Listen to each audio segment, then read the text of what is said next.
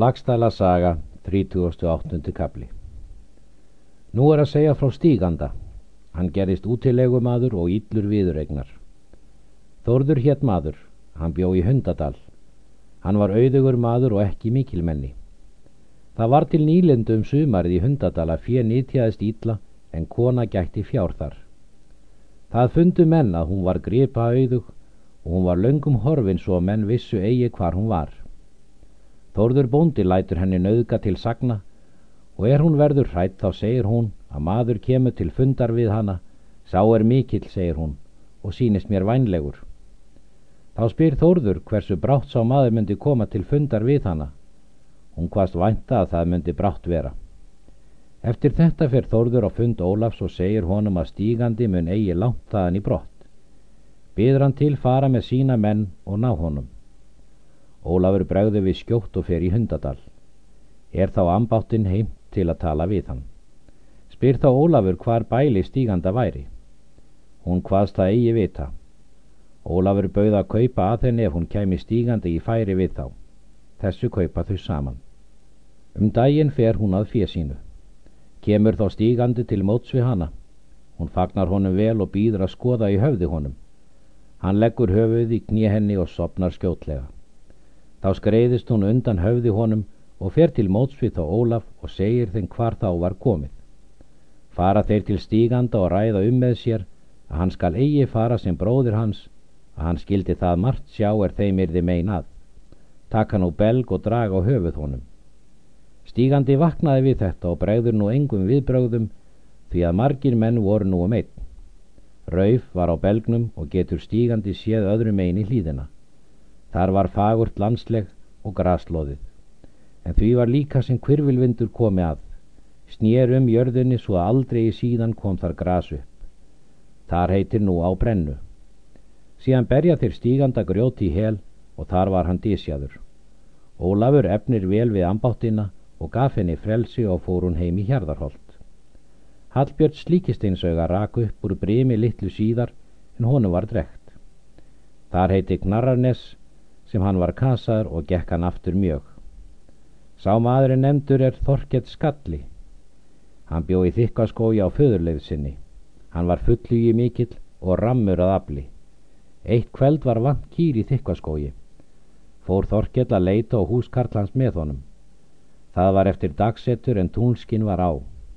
Þorkett mælti að þeir myndu skipta með sér leitinni. Og er Þorkett var eitt samanstattur þá þóttist hann sjá á holtinu fyrir sér kú og er hann kemur að þá var það slíkisteinsauga en eigi kýr. Þeir runnust á all sterklega. Fór Hallbjörn undan og er Þorkel varði minnst á smígur hann niður í jörðina úr höndum honum. Eftir það fór Þorkel heim.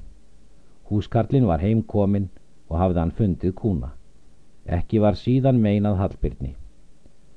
Þorbjörn skrjúpur var þó andar og svo melkorka. Þau liggja bæði í kumli í Laxardal en Lambisón þeirra bjóð þar eftir. Hann var garpur mikill og hafði mikið fjö. Meira var lampi virður af mönnum en fadur hans fyrir sækir móðurfrænda sinna. Vel var í frændsimi þeirra Ólafs. Líður nú hinn næsti vetur eftir dráp Kotkels. Um vorð eftir hittust þeir bræður Ólafur og Þorleikur. Spurðið Ólafur hvort Þorleikur ætlaði að halda búi sínu. Þorleikur segir að svo var. Ólafur meldi. Hins vildi ég beigðiður frændi að þér breyti ráðahagiðrum og færðu utan.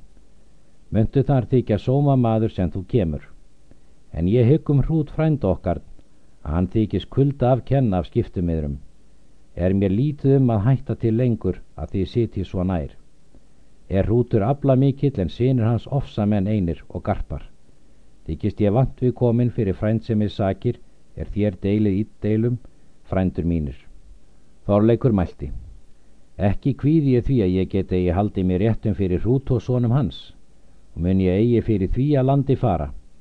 En ef þér þykir miklu máli skiptafrændi og þykist þú þar um í miklum vanda sitja, þá vil ég gera fyrir þín orð, því að þá undi ég best mínu ráði er ég var utanlendis. Veit ég og að þú mönt ekki aðvergjera til botla sonar míns, þó að ég sé hvergi í nánd og honum ann ég mest manna. Ólafur svarar. Þá hefur þú vel af þessu máli ef þú gerir eftir bænminni ætla ég mér það að gera hérni frá sem hingað til er til bolla kemur og vera til hans eigi verð en til minna svona. Eftir þetta skilja þeir bræður með mikilli blíðu. Þorleikur selur nú jarðir sínar og ver fíanu til utanferðar. Hann kaupir skipir uppi stóði í dögurðarnesi. En er hann var búin með öllu stíð hann á skip út og kona hans og annað skuldalið. Skip það verður vel reyðfara og taka Noreg um haustið. Þaðan fer hann söðu til Danmerkur því að hann festi ekki ind í Noregi. Voru þá látnir frændur hans og vinir en sumur og landi reknir. Síðan helt Þorleikur til Gautlands. Það er flestra manna sögn að Þorleikur ætti lít við elli að fást og þótti þó mikils verður meðan hann var uppi og lúkum vér þar sögu frá Þorleiki.